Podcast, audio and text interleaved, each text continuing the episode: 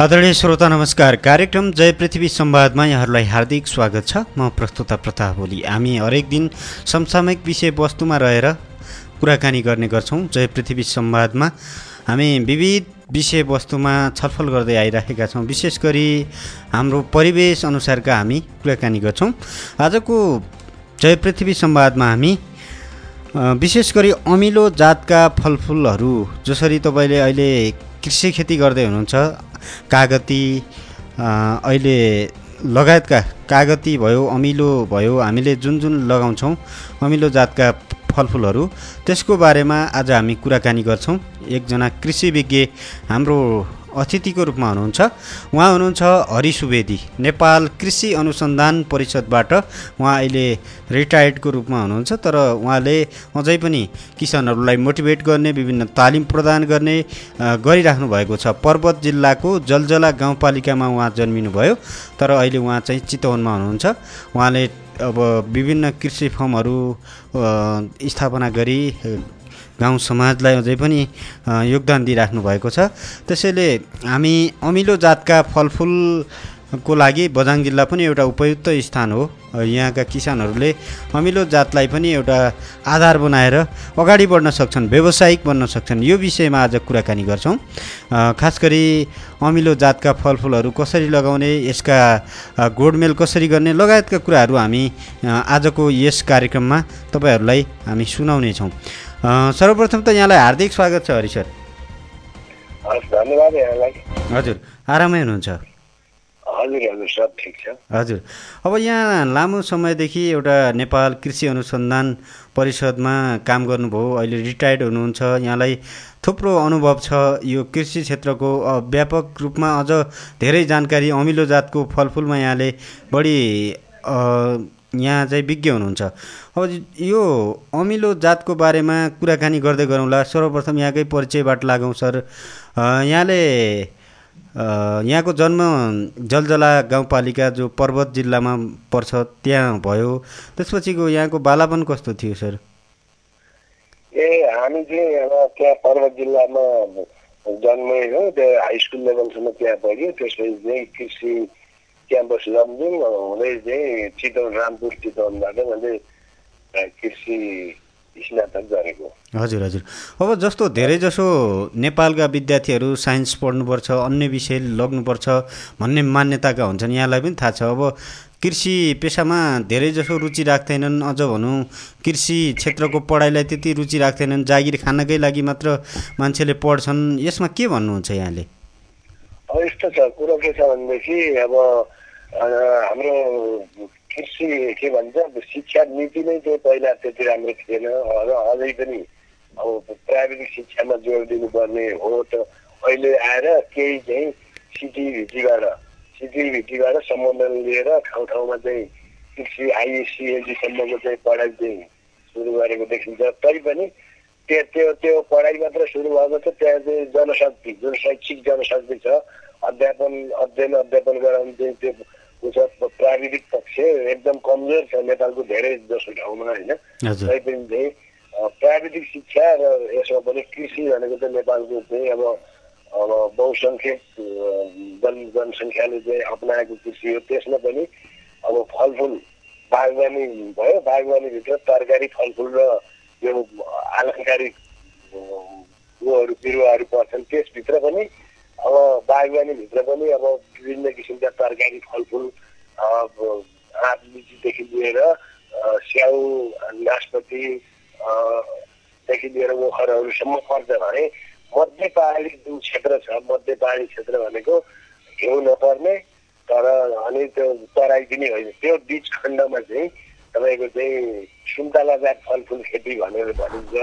सुन्तला जात फलफुल भन्न मतलब के छ भने यसलाई समष्टिगत रूपमा चाहिँ त्यो नाम नामाकरण गरिएको हो त्योभित्र सुन्तला पर्छ जुनार पर्छ मौसम पर्छ कागती पर्छ बिमिरो पर्छ भोगटे पर्छ निगुवा पर्छ यी प्रजातिहरू जति छन् यिनलाई समष्टिगत रूपमा चाहिँ जनाउनलाई सुन्तला जात फलफुल अथवा अमिलो वर्गको फलफुल भन्ने भनिन्छ यसको नेपालमा चाहिँ व्यापक चाहिँ यसको सम्भावना चाहिँ छ उसको हिसाबले आफूबारीको हिसाबले अनि माटोको हिसाबले पूर्व मेचीदेखि मार्गसम्मका चाहिँ सबै चाहिँ जिल्लाहरू धेरै करिब करिब साठी साठी जिल्लामा चाहिँ यो अमिलो जातको फलफुलको पहिला पहिला निर्वाहमुखी खेती गरिँदै आएको थियो भनेदेखि हालका केही वर्ष यता व्यावसायिक बगैँचा एकदम चाहिँ आफ्नो मुख्य उद्देश्य नै चाहिँ त्यसबाट व्यवसायीकरण गरेर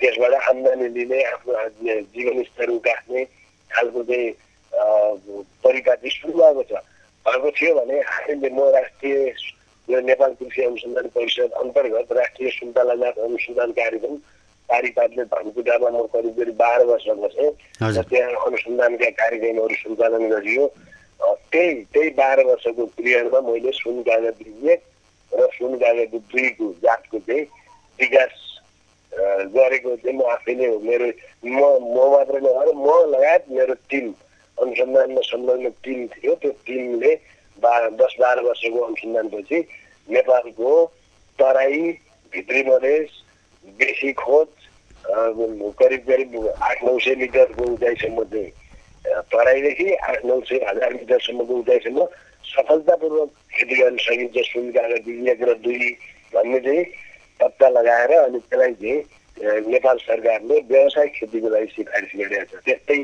अब जो जुन म भन्नुभयो के भन्नुभयो सुन्तलाको कुरो गर्नुभयो भने सुन्तला सुन्तला हाम्रो परम्परादेखि नै चल्दै आएको नेपाली सुन्तलाको मौलिक आफ्नै अस्तित्व छ। त्यो चाहिँ मध्य पहाडी क्षेत्रमा हुन्छ तराईमा हुँदैन होइन? मध्य पहाडी क्षेत्रमा बलाङतिर पश्चिम जति पश्चिम गयो त्यति बलाङको त बलाङ बाजुरापट्टि भयो करिब करिब दुई हजार मिटरसम्म पनि अब करेसाबारीमा चाहिँ सुन्तला लगाएर फलेर खाएको रेकर्ड छ होइन त्यो जति पूर्वतिर गयो भने तपाईँ धनकुटामा हो भने पन्ध्र सय मिटरभन्दा माथि सुन्तला लगायो भने त्यो चाहिँ के हुन्छ भने अमिलो हुन्छ सानो दाना हुन्छ क्वालिटीको हुँदैन जति जति पश्चिम लाग्दै जानुहुन्छ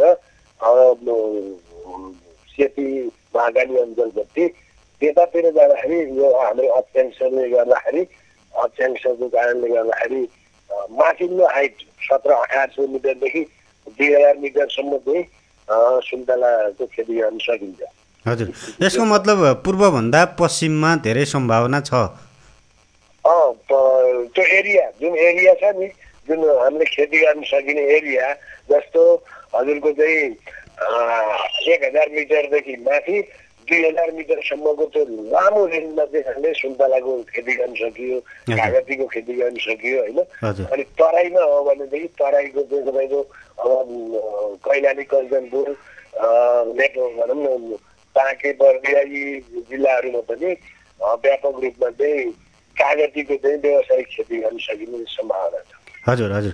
म श्रोतालाई जानकारी गराउँ आदरणीय श्रोता आजको जय पृथ्वी संवादमा हामी कृषि विज्ञ हरि सुवेदीसँग कुराकानी गर्छौँ गरिराखेका छौँ। उहाँ नेपाल कृषि अनुसन्धान राष्ट्रिय परिषदबाट अहिले रिटायर्ड हुनुहुन्छ तर पनि उहाँले विभिन्न कृषकहरूलाई तालिम आयोजना गर्ने र विभिन्न खालको उहाँले आफ्नो विज्ञतालाई प्रकट गरिराख्नु भएको छ विभिन्न माध्यमबाट। हामी उहाँसँग कुराकानी गरिराखेका छौँ। यदि तपाईँलाई यो अमिलो जातको तपाईँ केही व्यावसायिक खेती गर्नुहुन्छ अथवा तपाईँले निबुवा अहिले अब लगायत सुन्तला खेती अथवा मौसमको खेती जे गरेर पनि व्यावसायिक रूपमा तपाईँ अगाडि बढ्न चाहनुहुन्छ भने प्रश्न राख्नुहोस्। उहाँलाई हामी तपाईँको प्रश्न सुनाउनेछौँ र र त्यसपछि उहाँले जवाफ दिनुहुनेछ। यदि त्यसो हो भने तपाईँले शून्य बयानब्बे चार एक्काइस चार सय चारमा फोन गर्नुहोला र तपाईँको प्रश्न हामी उहाँसम्म पुर्याउनेछौँ अब हरि सर जस्तो तपाईँले भनिसक्नुभयो पूर्वभन्दा पश्चिममा अमिलो जातका फलफुलको सम्भावना अझ बढी छ। यो अक्षाङ अक्षांशको कारणले होइन सर? हजुर हजुर। हाम्रो जुन भूगोलमा अक्षांश र देशान्तर भन्छौँ नि हजुर त्यसले गर्दाखेरि हजुर। अब पश्चिमतिर पश्चिम जति नेपालको पूर्वी पूर्वी भागमा लिमिटेड लिमिट छ। एक हजार मिटरदेखि लिएर पन्ध्र चौध पन्ध्र सय मिटरसम्म मात्रै यो सुन्तलाको खेती गर्न उपयुक्त हावापानी मानिन्छ भने त्यहाँबाट जति पश्चिम गयो त्यसको रेन्ज माथि माथि बढ्दै गएर अब कर्णाली प्रदेशको भन्नुहुन्छ भनेदेखि अब बाजुरा बगान एरिया भनौँ न त्यसमा भने दुई हजार मिटरसम्म भनेपछि लामो रेन्जमा हामीले चाहिँ सुन्तला कागतीको खेती गर्न सकिने सम्भावना छ। हजुर। अब यो जस्तो भूगोल त तपाईँले त्यो हाइट त दिनुभयो तर त्यसको लागि पनि छाया पर्ने छाया नपर्ने घाम कति लाग्ने यो कुराले पनि निर्भर पार्ला। त्यो चाहिँ अवश्य पनि जस्तो पहाडी भागमा के हुन्छ भने एउटा डाँडो हुन्छ डाँडो कोही उत्तर फर्केको हुन्छ कोही दक्षिण फर्केको हुन्छ होइन? अब त्यस्तोमा कोही के के हुन्छ भनेदेखि उत्तर फर्केको जमिनमा सुक्खा कम लाग्छ भन्नाले फर्केको चाहिँ असर त्यति चाहिँ ज्यादै कम हुन्छ भने दक्षिण पूर्वी मोडा फर्केका जमिनहरूमा चाहिँ ज्यादै नै सुक्खा हुन्छ बिहानदेखि बेलुकासम्म घाम लाग्छ त्यसले गर्दा त्यस्ता ठाउँहरूमा सिँचाइको व्यवस्था चाहिँ गर्नुपर्ने हुन्छ उत्तरी मोहडामा चाहिँ सिँचाइको व्यवस्था नगर्दा पनि चाहिँ सम्भावना हुन्छ भने दक्षिण फर्केको मोहडामा चाहिँ गर्नलाई सिँचाइ एकदम सुक्खा याममा सधैँभरि चाहिने कुरो होइन। अब हिउँ हिउँमा मल दिने बेलामा त्यसपछि चाहिँ चैत वैशाखको गर्मीमा सिँचाइको व्यवस्था सिँचाइ भन्नाले पुरा धान बालीमा जस्तो चाहिँ धेरै दिन लगाउनु पर्ने होइन। हल्का सिँचाइको व्यवस्था गर्नुपर्ने हुन्छ। हजुर सर। अब यो जस्तो बोट बिरुवा हुर्काउने यसमा लाग्ने रोगहरू कस्ता हुन्छन् यो कुरा पनि आम कृषकहरूलाई यहाँले जानकारी दिनुहोस् न। जस्तो सानै बोटलाई कसरी हुर्काउने यो कतिपटक मलजल गर्नुपर्छ कसरी हुर्काउने यसको वरिपरि घेरबार कसरी गर्ने यो कुराहरू पनि यहाँलाई अब सबै कुरा थाहा छ होइन?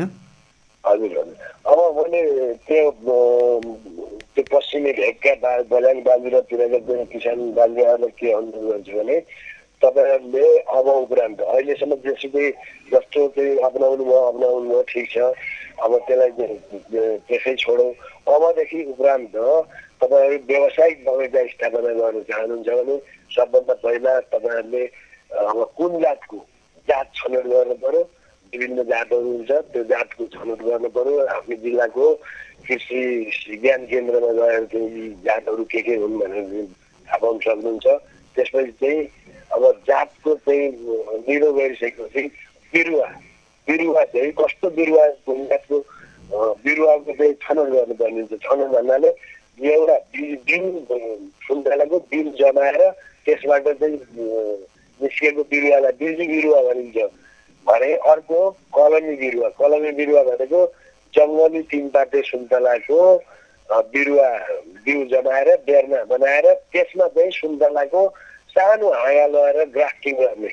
र त्यो बिरुवा तयार हुन्छ। त्यसरी गरेको बिरुवालाई कलमी बिरुवा भनिन्छ। त्यही भएर कलमी बिरुवा र बिजु बिरुवा के फरक छ भने कलमी बिरुवा तुलनात्मक रूपमा त्यो बिजु बिरुवा भन्दा होचो हुन्छ। बोट रुख रुखको चाहिँ बोटको साइज चाहिँ सानो हुन्छ। भुइँबाटै साना बोतल भरा गरेर हामी टिप्न सकिने स्थिति हुन्छ बोटमा काँडा ज्याप्दै कम हुन्छ अनि चाहिँ उत्पादन चाहिँ थोरै जग्गामा धेरै बिरुवा लगाउन सकिने सम्भावना हुन्छ भने बिजी बिरुवा अनि जुन चाहिँ कलमी बिरुवा रोपेको चाहिँ दुई दुईदेखि तिन वर्षबाट सामान्यतया उत्पादन सुरु गर्न दिन थाल्छ भनेदेखि बिजु बिरुवाले पाँच छ वर्षपछि मात्रै उत्पादन दिन थाल्छ रुख धेरै ठुलो हुन्छ बोट साइज धेरै ठुलो साइज भयो भनेदेखि हार्भेस्ट गरेर सुन्तलाको फल टिप्ने बेलामा चाहिँ धेरै नोक्सानी हुन्छ। भुइँमा फुटेर जाने सम्भावना हुन्छ काँडा हुन्छ रुखमा चढ्न मुस्किल हुन्छ। त्यो भएर चाहिँ कलमी बिरुवा किसान बाजेहरूलाई मैले ग्राफ्टिङ गरेको कलमी बिरुवा चाहिँ अब उपरान्त तपाईँ गर्नुको लागि चाहिँ मैले त्यो सिफारिस गर्छु। नेपाल सरकारले पनि चाहिँ त्यही सिफारिस गरेको छ। जातहरूमा भन्दाखेरि लोकल चाहिँ एउटा नेपाली सुन्तला त्यो भइहाल्यो त्यस पछाडि एउटा चाहिँ एकदम चाहिँ भित्र सिडलेस भित्र चाहिँ बिउ नहुने जात छ एउटा जात चाहिँ उन्सु वर्गको सुन्तला जापानिज हो। त्यसको चाहिँ बोट पनि सानो हुन्छ अनि चाहिँ अर्ली हुन्छ। भनौँको दोस्रो हप्ताबाट भनौँ न अहिले यति बेला चाहिँ सुन्तला राम्रोसँग पाकेर खान सकिन्छ। अब यसको बिउ कहाँ पाइन्छ सर? बिउको बारेमा पनि जानकारी दिनु होला नि यहाँले। ए त्यसको लागि चाहिँ अब विभिन्न सरकारी फर्म केन्द्रहरूमा पनि पाउन सकिन्छ। प्राइभेट सेक्टरमा हाम्रो हाम्रै पर्वत जिल्लाको जलजला गाउँपालिकामा स्थापना गरेको सप्तगण्डकी एग्रिटेक प्राली भन्ने छ। त्यहाँ चाहिँ गुणस्तरीय बिरुवा सुन्तलाको हामीले कहिल्यै पनि चाहिँ बिज बिरुवा उत्पादन गर्दैनौँ। सबै कलमी बिरुवा उत्पादन गर्छौँ चाँडोभन्दा चाँडो फल फल्ने हुन्छ। अनि चाहिँ थोरै जग्गा जम्मा चार मिटरको फरकमा चाहिँ हामीले बिरुवा रोप्न सक्छौँ। र उन्सु जापानिज उन्सु सुन्तलालाई चाहिँ तिन मिटरकै दुरीमा रोप्न सकिन्छ। त्यही भएर तपाईँले बिरुवाको लागि चाहिँ अब पश्चिमतिर पनि दैलेखमा हाम्रो सरकारी फर्म छ होइन? सरकारी फर्म बागवानी अनुसन्धान केन्द्र दैलेख भन्ने ठाउँमा छ। त्यो सरकारी फर्म भयो त्यसपछि गएर अब जति पूर्वतिर आयो भने दुई चारवटा फर्महरू छ धनबुदामा पनि छ पाल्पामा छ होइन? यी ठाउँहरूमा सरकारी फर्म छन् भने प्राइभेट नर्सरीहरू पनि पूर्वतिर धेरै नै छन्। पूर्वाञ्चलहरू र अहिलेको एक नम्बर प्रदेशतिर धेरै छन् र चाहिँ गण्डकी प्रदेशमा हाम्रो हाम्रो चाहिँ जुन पर्वतको जलवाला गाउँपालिकामा छ त्यो चाहिँ त्यहाँबाट हाम्रो करिब करिब चाहिँ तिस पैँतिस जिल्लामा चाहिँ त्यहाँ उत्पादित बिरुवाहरू गइरहेका छन् त्यही भएर बिरुवा चाहिँ कलमी बिरुवा ग्राफ्टिङ गरेको बिरुवा चाहिँ रोप्नको लागि मैले सबै किसान अब यो जस्तो कलमी गरेको जो खालको सुन्तला यहाँले भन्नुभयो सुन्तला अथवा अन्य बोट बिरुवा तिनीहरूले दिने फलको गुणस्तरीयता कतिको हुन्छ?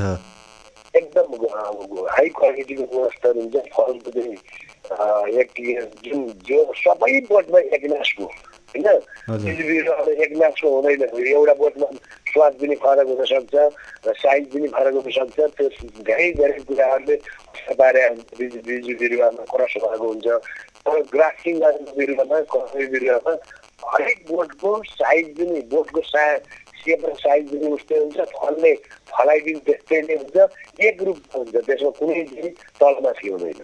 हजुर। अब यो बजाङमा तपाईँको सुन्तला खेती पनि गरिन्छ त्यो पनि अलिकति खानलाई अलिकति बेच्नलाई भन् भन्दा भन्दा पनि अब यो निर्वाहमुखी नै भयो तपाईँले भने जस्तै। होइन? रूपमा दस आठवटा बोट लगाउने मान्छेहरू हुनुहुन्छ र कोही कोही चाहिँ मान्छे त्यहाँको किसानहरू व्यावसायिक खेती गर्ने किसानहरू पनि मैले सुनेको छु देखाएको छु मैले हजुर हजुर। अब यो जस्तो व्यावसायिक भन्दाखेरि उनीहरूलाई एउटा डर के हुन्छ भने जस्तो आफ्नो जग्गा जमिन जति छ त्यसमा लगाउँदाखेरि भोलि प्रतिफल आउन ढिलो ला हुन्छ होइन? अब यस्तो खालको अमिलो जातको फलफुलहरूबाट जस्तो तपाईँको चार पाँच वर्ष त त्यो हुर्किनै लाग्छ त्यसपछि फल बल्ल दिन्छ। त्यसले अब अन्नबालीलाई पनि असर गर्छ। बिचमा मैले तपाईँलाई जुन बिजु बिरुवा लगाउनुहुन्छ पाँच छ वर्ष लागि लाग्छ फल फल्नलाई। यो ग्राफ्टिङ गरेको कलमी बिरुवा तपाईँको तेस्रो वर्षबाट आम्दानी दिन थाल्छ कि? हजुर हजुर। त्यो भएर करिब एक दुई वर्ष त त्यो त्यो बा बारीबाट आम्दानी नहुने भयो बोट बिरुवा हुर्काउनु पर्यो होइन। त्यसपछि त यो बहुवर्षीय बाली हो यो। बहुवर्षीय बाली भएपछि सुरुको चाहिँ एक दुई वर्ष चाहिँ अलिकति मिहिनेत गऱ्यो भने त्यसले त पछि गएर त तिसौँ चालिसौँ वर्षसम्म त लगातार त्यसले आम्दानी दिन्छ नि। त्यो भएर बहुवर्षीय बालीहरू लगाउँदाखेरि अनि त्यो बगैँचाभित्र हामीले त्यो उसले फलले आम्दानी नदिने बेलासम्म सुन्तलाले आम्दानी नदिने बेलासम्म हामीले यो भित्री बालीको रूपमा भुसुवा बालीको रूपमा अन्तर बालीको रूपमा विभिन्न किसिमका तरकारी बालीहरू आलु बन्दा काउली लसुन प्याज त्यस्ता चाहिँ अनि चाहिँ भटमास भयो मास भयो जहाँ जे जे हुनसक्छ ती बालीहरू लगाएर त्यसबाट आम्दानी लिन सकिन्छ। पुरै बाँधेर हुन्छ दुई तिन वर्ष भन्ने होइन। भित्री बाली जुन अन्तर्बालीहरू लगाएर त्यो खर्च कटौती अब जस्तो अर्को अर्को उपाय भनेको त जस्तो पाखो पाखोमा फलफुल लगाएर अरू ठाउँमा अन्नबाली हुर्काउँदा पनि होला अब त्यो पनि हुन्छ तर पाखो भन्दा एकदम विजन खालको त्यो रुखो चाहिँ पाखोमा चाहिँ यही भएर व्यवसायीकरण हुन नसकेको हो कि राम्रो ठाउँमा लगाउनु पर्यो म मलिलो ठाउँमा लगाउनु पर्यो चाँडो आम्दानी लिनको लागि पाखो पनि नहुने होइन चाहिँ त्यो पाखो पनि रुखो टाइपको ढुङ्गे ढुङ्गा भएको हुनु भएन। माटो माटो भएको चाहिँ त्यो पाखोमा पनि लगाउन सकिन्छ नसकिने होइन।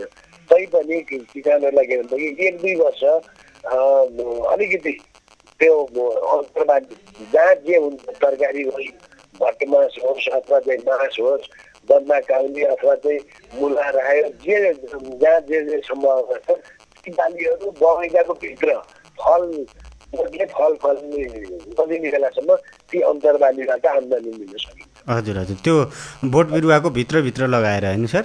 अब यो चार मिटरको हजुर। हजुर। अब जस्तो सर यो तपाईँले भन्नुभयो नि सुन्तलाको लागि त्यो अब तिते के भन्नुभयो? तिन पाते सुन्तला होइन सर? तिन पाते तिन पाते हो जङ्गली सुन्तला हो त्यो। अब त्यो कहाँ पाइन्छ त? त्यो त्यो पनि पाइने ठाउँ पनि अब यहाँ जानकारी छैन। त्यो पाइने ठाउँ भनेको एउटा दैनिक छ दैनिक फर्ममा होइन। त्यसपछि चाहिँ पारिपाटी धनकुटामा छ अनि किर्तिपुर काठमाडौँ किर्तिपुर। यो सरकारी फर्महरू हुन् होइन। यसमा चाहिँ त्यसको बिउ पाइन्छ।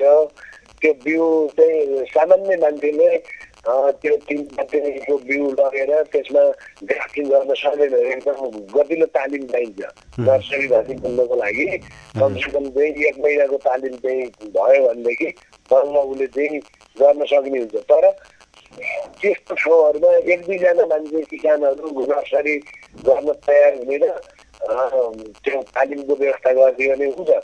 त्यो व्यवस्था नहुने बेलासम्म जहाँ जहाँ ग्राफ्टिङ गरेको चाहिँ कलर बिरुवा उत्पादन हुन्छ। त्यो ठाउँमा उत्पादन बिरुवाहरू अर्डर गरेर अनि चाहिँ आफ्नो बारीमा लगेर बगैँचा बनाउनु पर्ने। हजुर। म श्रोतालाई फेरि जानकारी गराउँदु गराउँछु। आदरणीय श्रोता हामी यतिखेर जय पृथ्वी संवादमा छौँ। जय पृथ्वी एफएमको दैनिक प्रस्तुति जय पृथ्वी संवादमा हामी समसामयिक विषयवस्तुमा रहेर कुराकानी गर्दै आइराखेका छौँ। आज हामी सुन्तला जातका फलफुलहरू कसरी उमार्ने ती बोट बिरुवाहरूको फल बढीभन्दा बढी कसरी उत्पादन गर्ने लगायतका कुराकानी गरिराखेका छौँ। यसको लागि हाम्रो अतिथिको रूपमा हरि सुवेदी हुनुहुन्छ। उहाँ नेपाल कृषि अनुसन्धान राष्ट्रिय परिषदबाट अहिले रिटायर्ड हुनुहुन्छ भने विभिन्न तालिम प्रदान गर्दै उहाँले विभिन्न फर्महरू खोलेर किसानहरूलाई अझै पनि तालिम प्रा प्रदान गरिराख्नु भएको छ। अब हरि सर अब जस्तो यो अमिलो जातका फलफुलहरूमा लाग्ने रोगहरू के के हुन् त तिनीहरूबाट कसरी बच्ने किसानहरूले? एकदम एकदम एकदम राम्रो चाहिँ प्रश्न गर्नुभयो। अब अमिलो जातको फलफुलमा लाग्ने मुख्य मुख्य रोगहरूमा लाग्ने धेरै किसिमका रोगहरू छन्। तैपनि चाहिँ हाम्रो नेपालमा त्यो रोग लागेर आर्थिक रूपमै क्षति पुर्याउने खालका दुई तिनवटा चाहिँ रोगहरू छन्।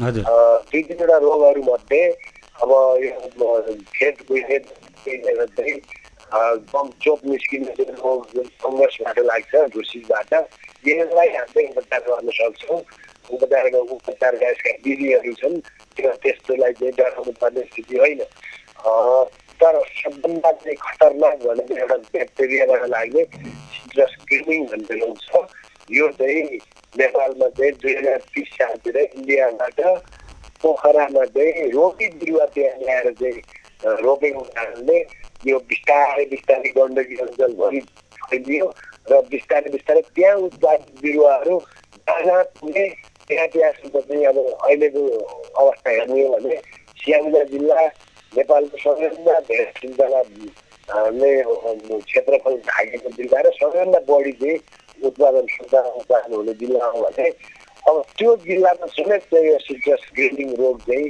पुगेको छ।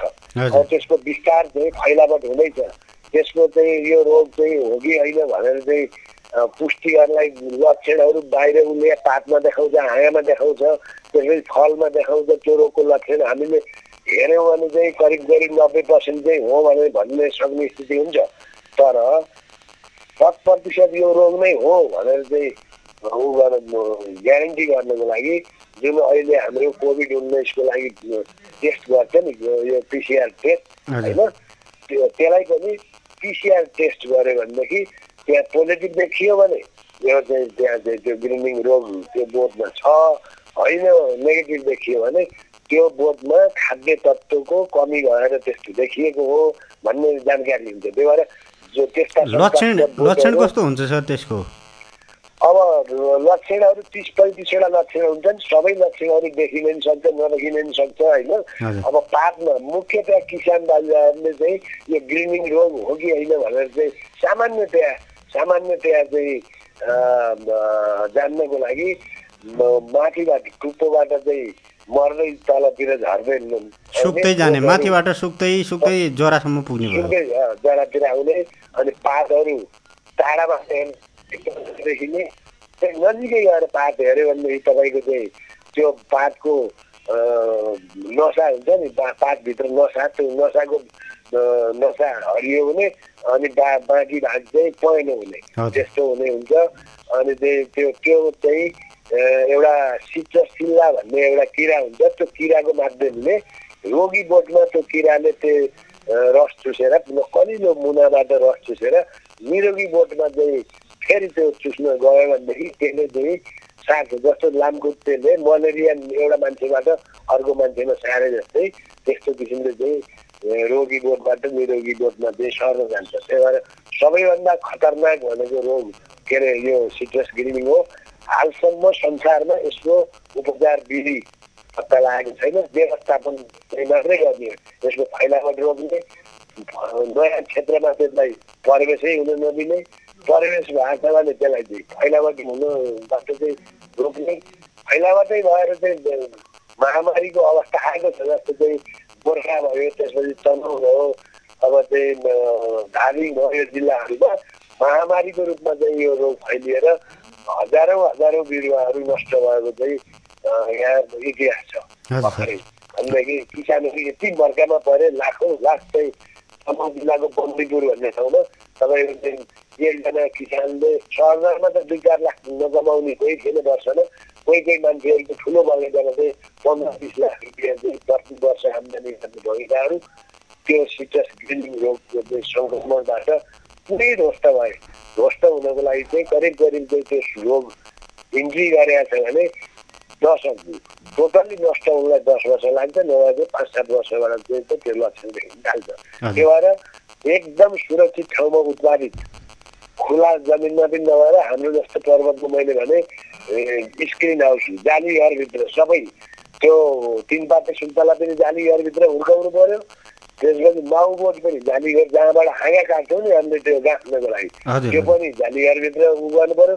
ग्राफ्टिङ गरेको कलमी गरेको बिरुवा पनि जाली घरभित्रै उत्पादन गरेका बिरुवाहरू को व्यवस्था गरेर अनि चाहिँ मात्रै चाहिँ उ गर्नुपर्ने हुन्छ जहाँ पाए त्यही जसरी पाए त्यसरी चाहिँ उत्पादित बिरुवाहरूलाई हामीले चाहिँ व्यवसायिक खेतीको लागि चाहिँ त्यो गर्नु हुँदैन भोलि धोका हुन्छ यो। त साँच्चीकै एउटा कोरोना भाइरस जस्तै रहेछ होइन सर एकदमै खतरा। हामीले चाहिँ पहिला पहिला किसान दाजुहरूलाई भन्दाखेरि यो पिसिआर टेस्ट गर्ने गर्नुपर्छ यसको चाहिँ हन्ड्रेड पर्सेन्ट गर्नुको लागि। होइन भने नब्बे पर्सेन्ट छ म आँखाले हेरेर भन्न सक्छु भनेर चाहिँ भन्दा यो पिसिआर के भनेर बुझाउनै गाह्रो थियो। अहिले यो कोभिडले गर्दा पिसिआर भनेको के रहेछ खस केको लागि गर्नुपर्ने भने भन किसानहरूलाई पनि थाहा लागिसक्यो कि अब। हजुर सर अब यो जस्तो यतातिर सुन्तलाको बारेमा हामीले बढी कुरा गऱ्यौँ जस्तो भोगटेहरू हुन्छ जुनारहरू जुनारहरूमा प्राय किरा लागिराखेको हुन्छ एक ठाउँबाट। कालो दाग देखाइरहेको? हुन्छ यो यो खालको रोगबाट? कसरी बच्ने प्राय यो यो देखिन्छ सर अब यस्तो छ त्यो सुन्तला सुन्तला जुनार अनि चाहिँ मौसम भयो अनि चाहिँ निबुवा यिनीहरूमा चाहिँ फलमा लाग्ने फल कुहाउने औसा हुन्छ। त्यो चाहिँ झिगा एक प्रकारको झिगाले त्यो फलमा चाहिँ अन्डा फलभित्र छेडेर अन्डा पारेर त्यो भित्र चाहिँ ती अन्डाबाट किराहरू निस्केर पुरै चाहिँ खान नहुने गरी चाहिँ त्यो त्यसलाई भन्छ फ्रुट फ्लाइ भन्ने किरा हो। फल खुवाउने औसा होइन।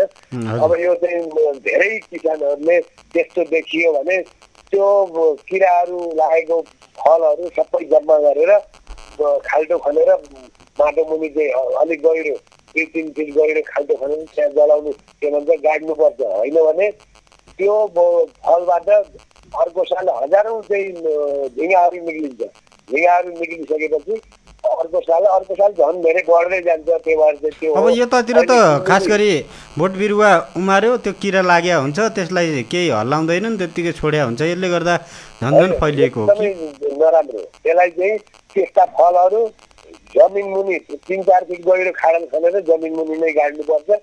नत्र भनेदेखि त्यो बढ्दै बढ्दै जान्छ। अहिले सिन्धुली नेपालको सिन्धुलीमा सबभन्दा बढी जुनार उत्पादन हुने जिल्ला हो होइन?